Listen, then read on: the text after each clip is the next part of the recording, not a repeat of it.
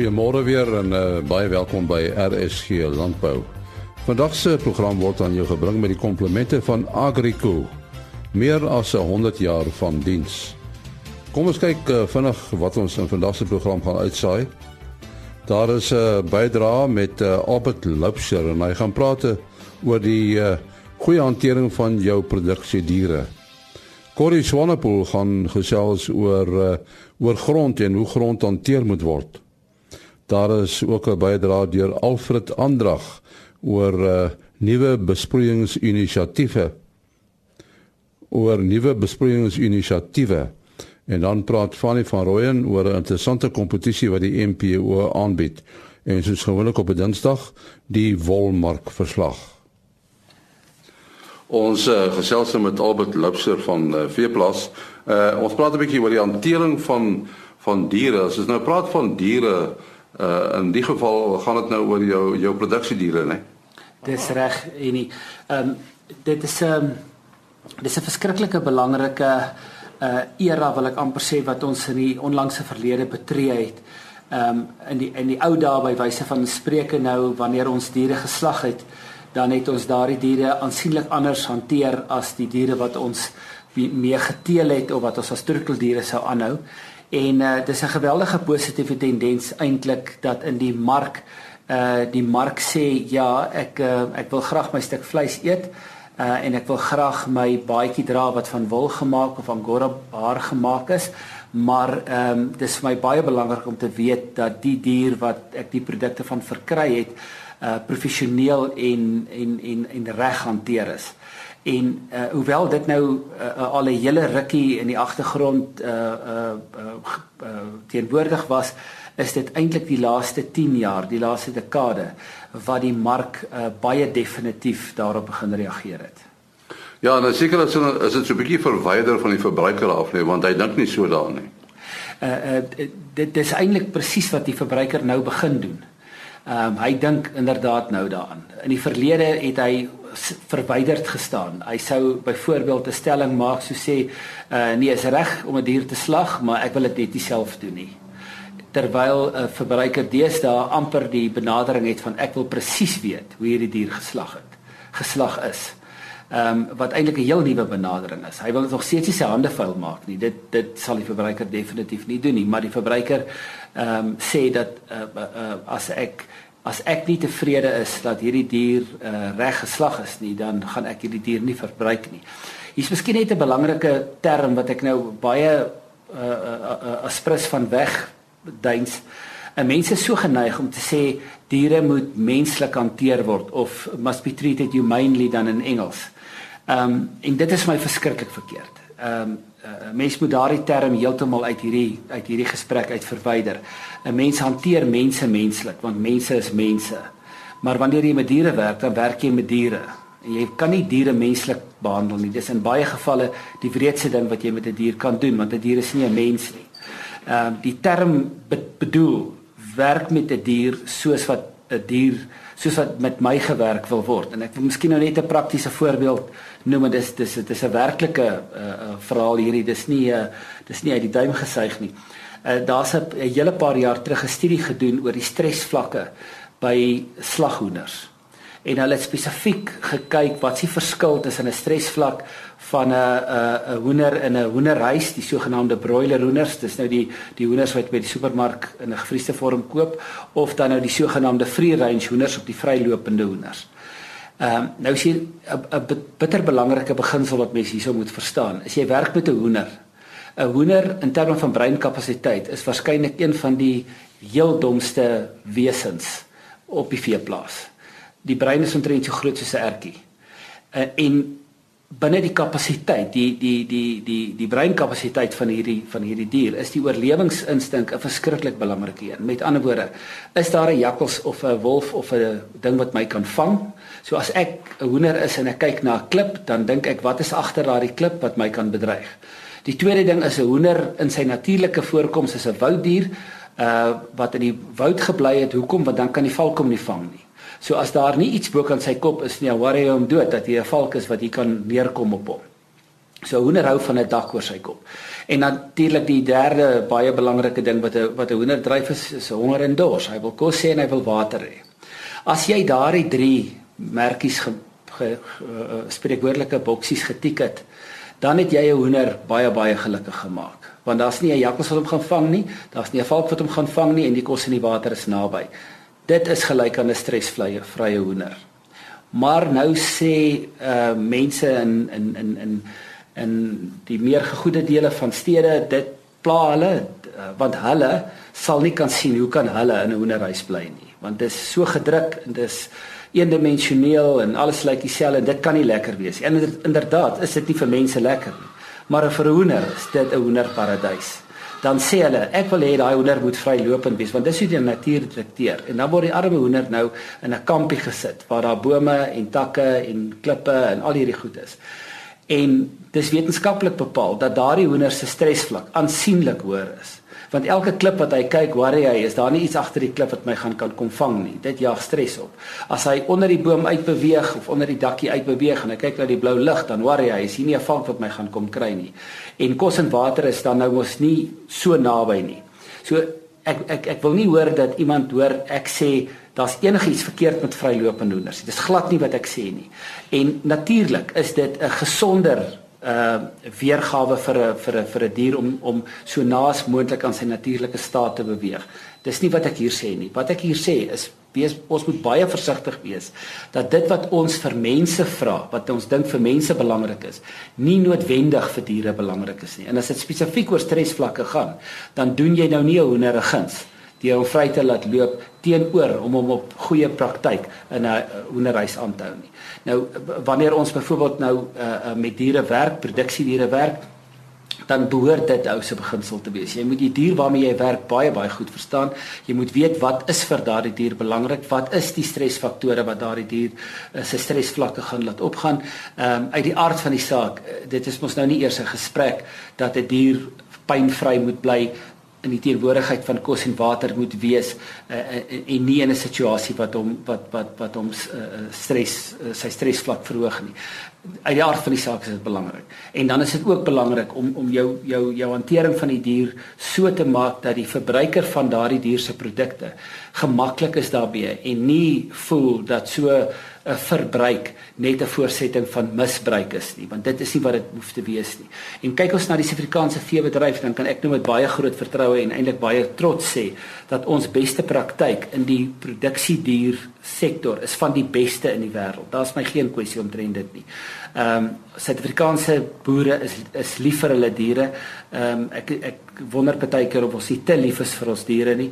Uh, daar word goed na diere gekyk en daar word veral gediskrimineer teen mede-produsente wat dit nie doen nie. Ehm uh, uh, om nou 'n goeie tienerterm te gebruik, dit sal nou glad nie cool wees.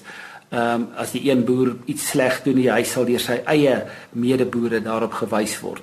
Uh, en ek dink dis 'n wonderlike vertrekpunt en en plaas ons Suid-Afrikaanse veebedryf dink ek in 'n baie beter posisie as in baie van die ander uh, bedrywe in die wêreld. Daar's pragmatiese denke, daar's goed gedefinieerde beste praktyke wat opgeskryf is wat mense weet om te volg en ek dink die Suid-Afrikaanse verbruiker kan met groot vertroue van die Suid-Afrikaanse rak af produkte koop.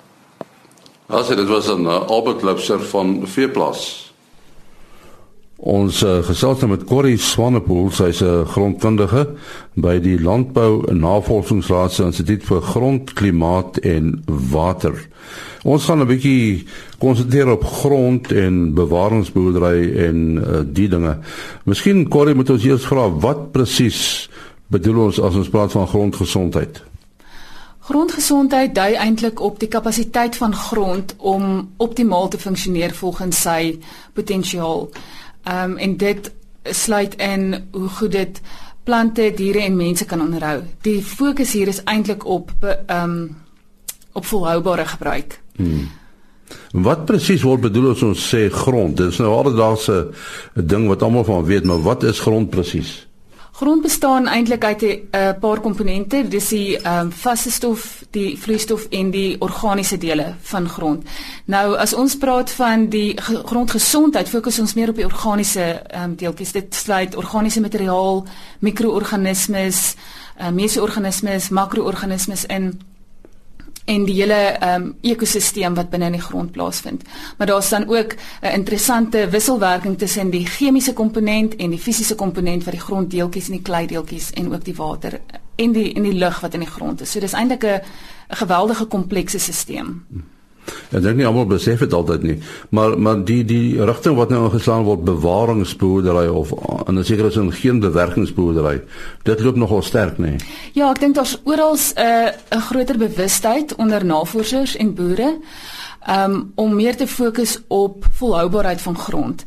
In die verlede het um, was daar baie sterk fokus op die chemiese aspekte van grond. Jy kan byvoorbeeld maklike grondmonster neem, dit chemies ontleed en dan um, met kunsmis net al die tekorte vinnig aanvul. En dit is baie effektief, maar dit kom natuurlik teen 'n prys. Terwyl die bewaringsboerdery fokus meer op die lewende aspek van die grond sodat ons die organiese materiaal in die ekosisteem services soos wat ons in Engels sê kan benut tot voordeel van die boer. Uh, hoe sal uh, iemand weet dat grond gesond is? Ehm um, dis dalk nie heeltemal so maklik nie omdat verskillende gronde en verskillende dele verskillende potensiaal het. So ons kyk na elke grond se potensiaal in sy omgewing. So ons kan kyk wat is die maksimum potensiaal van verskillende gronde. Dit mag dalk nie dieselfde wees nie.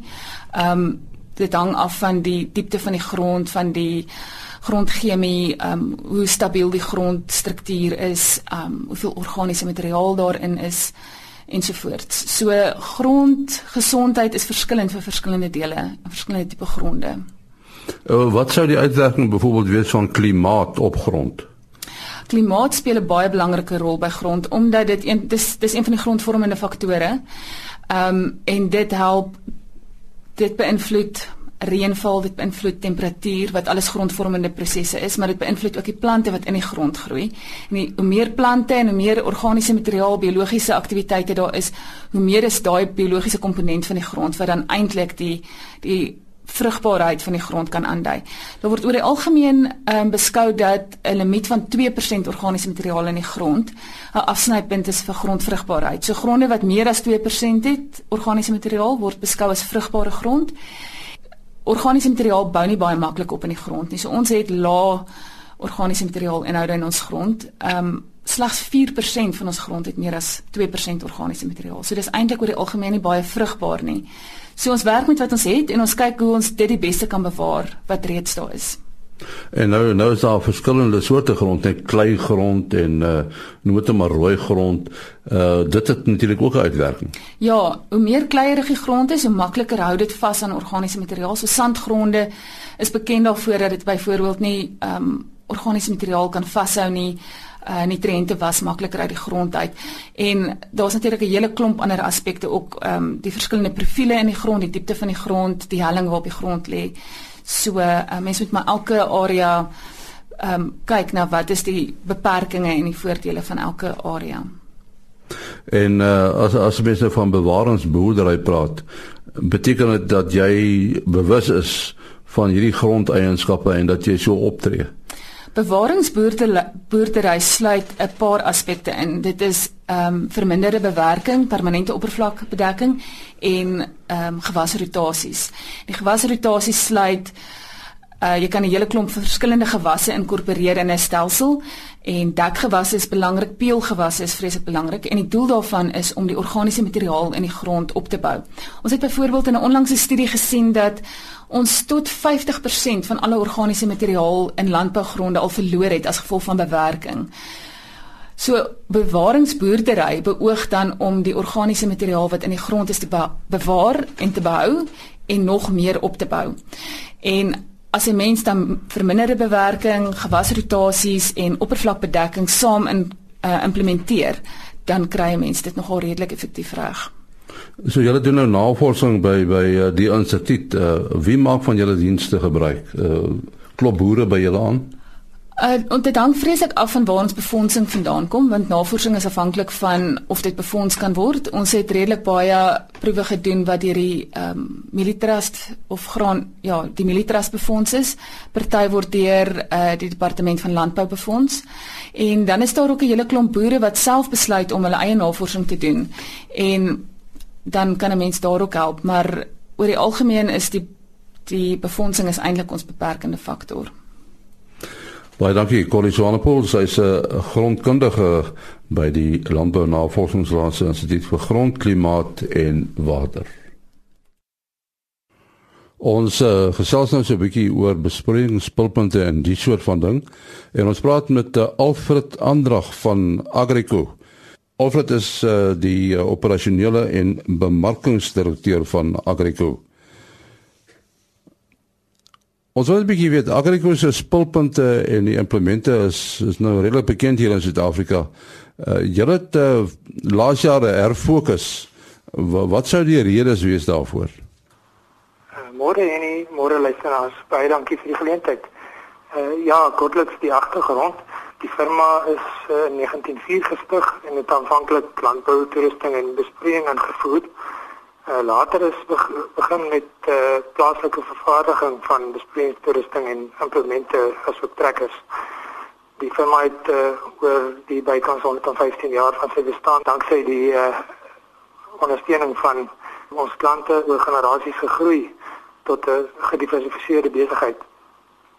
Ons het uh, benewens ons eie vervaardigde produkte en bespreking verskeie landboumasjinerie agentskappe en 'n aantal voertuigagentskappe as ook 'n saadbesigheid bedryf.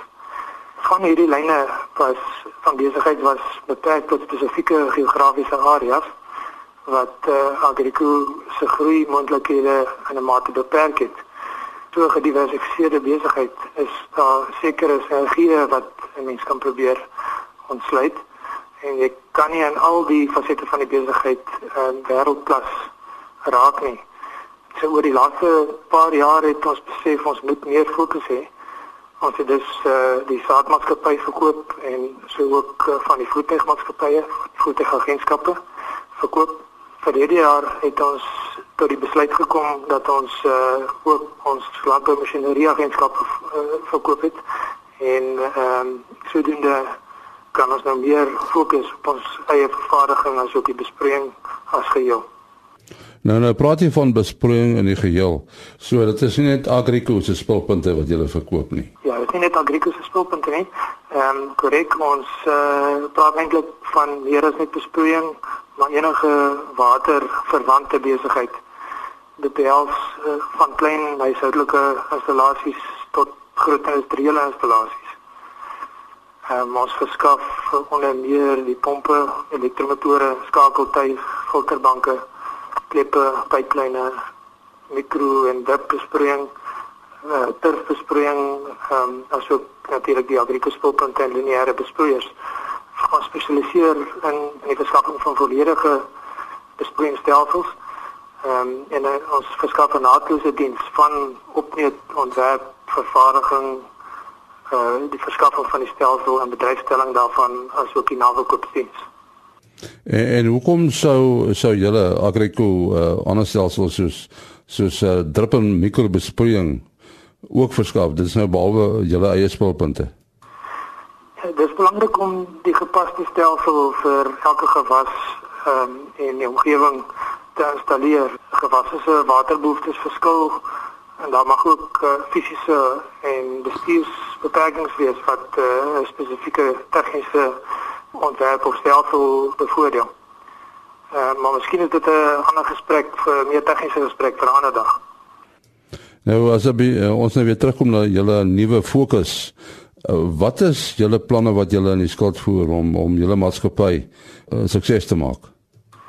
Nou, wel, ons kan die besigheid nou sterk groei aangesien ons uh, by al ons takke 'n homogene produk mandjie kan aanbied. Agrikultuur het verlede jaar na die verandering uh, is drie nuwe takke bygevoeg uh, onder andere of dan nou in in Lusaka, Zambia en Wellington in die Kaap en uh, en Christiana in die Noordwes uh, provinsie. Um, ons is besig om ons kapasiteit uit te brei. Agrikultuur het 90 uh, gekwalifiseerde besproeiingsontwerpers by ons 27 takke. Maar ons lei ook deurlopend nog jong ontwerpers op. Ehm um, ons skink ook uh, aandag aan ons logistieke en vervaardigingskapasiteite met ehm um, ekstra personeel, uh, nuwe prosesse en CNC masjiene wat ons aangekoop is byvoorbeeld 'n nuwe draaibanke, nuwe presisie uh, buigpers uh, knip en pons masjiene en uh, nuwe laser laser profielsnyer.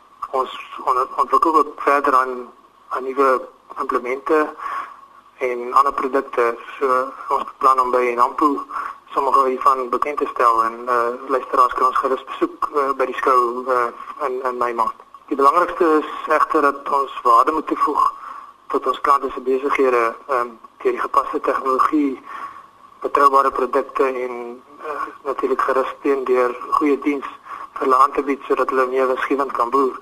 Ek sou sê dit is Agrico se enigste bestaansreg. Nou ja, ons sê baie dankie aan Alfred Andrag, hy is die operasionele en bemarkingsdirekteur van Agrico.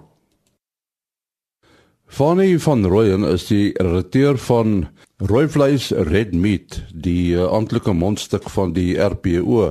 Ons wil 'n bietjie met hom gesels oor uh, wat byvoorbeeld die tema van die volgende uitgawe van die tydskrif is. Fanny, wat is die tema?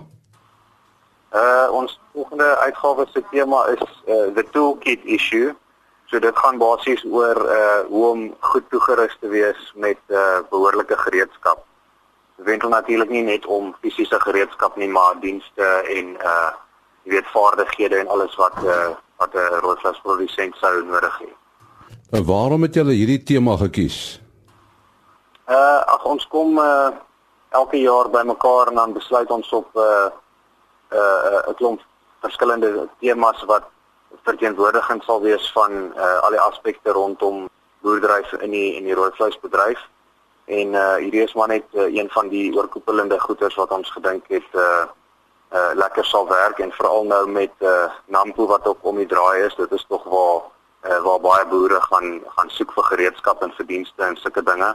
So hierdie is so half nou, jy weet, voor vooraf uh het ons besluit die tema sal goed werk uh, julle het waarskynlik uh, kundige bydraers wat wat uh, bydraers lewer vir die tydskrif.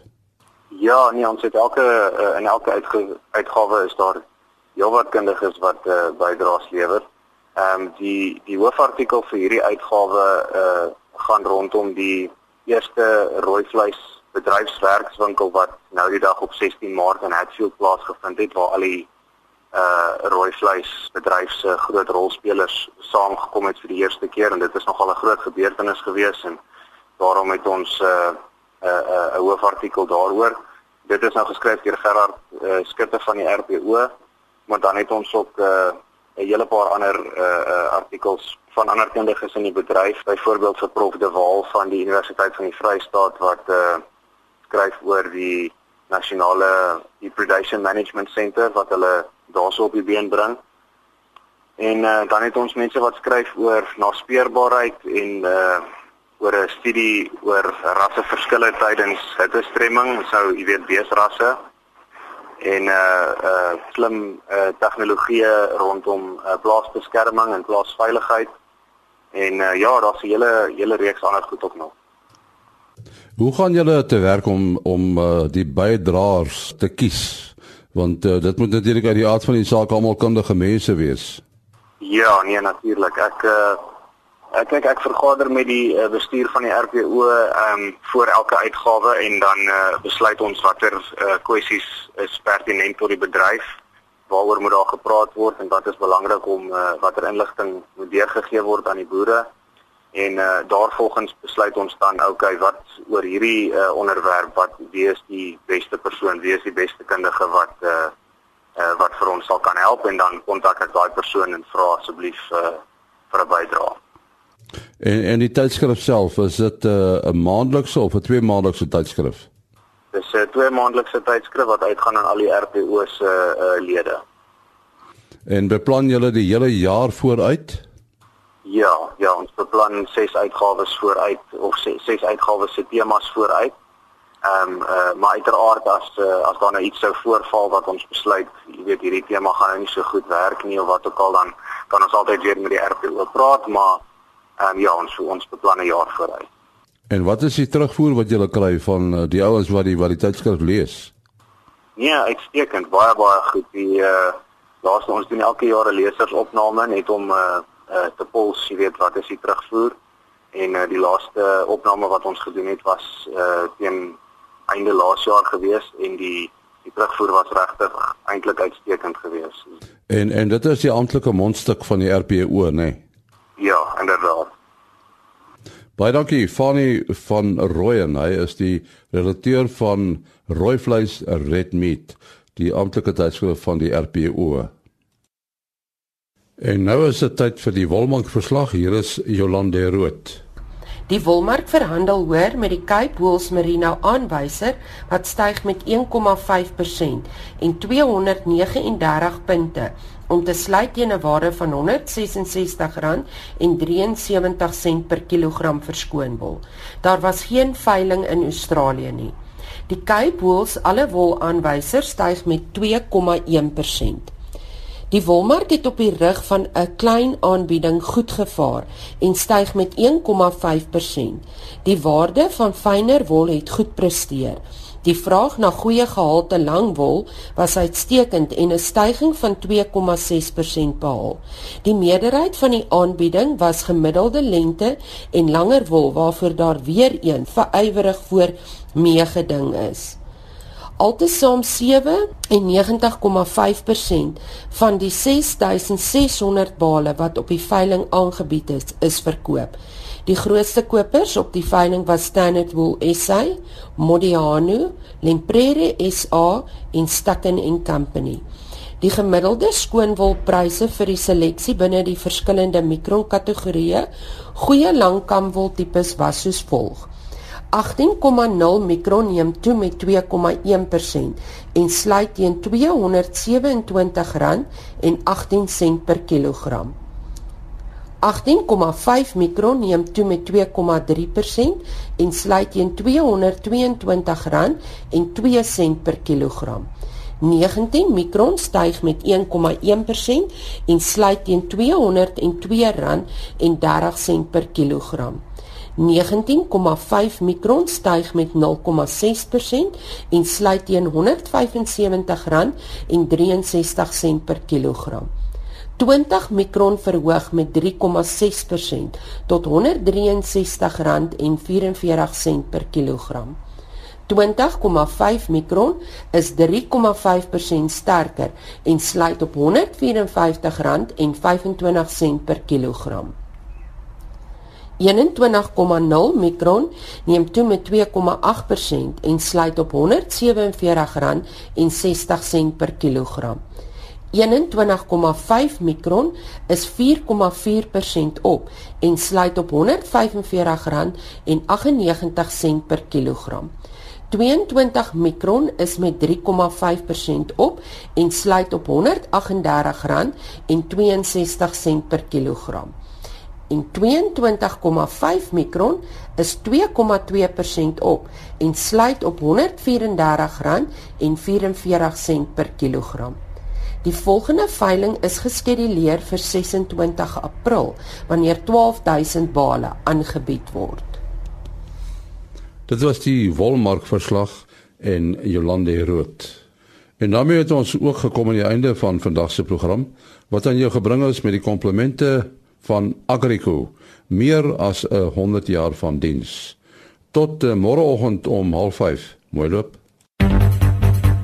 RSG Landbou is 'n produksie van Blast Publishing. Produksieregisseur Henny Maas. Aanbieding Lisa Roberts en 'n notas koördineerder Jolande Rooi.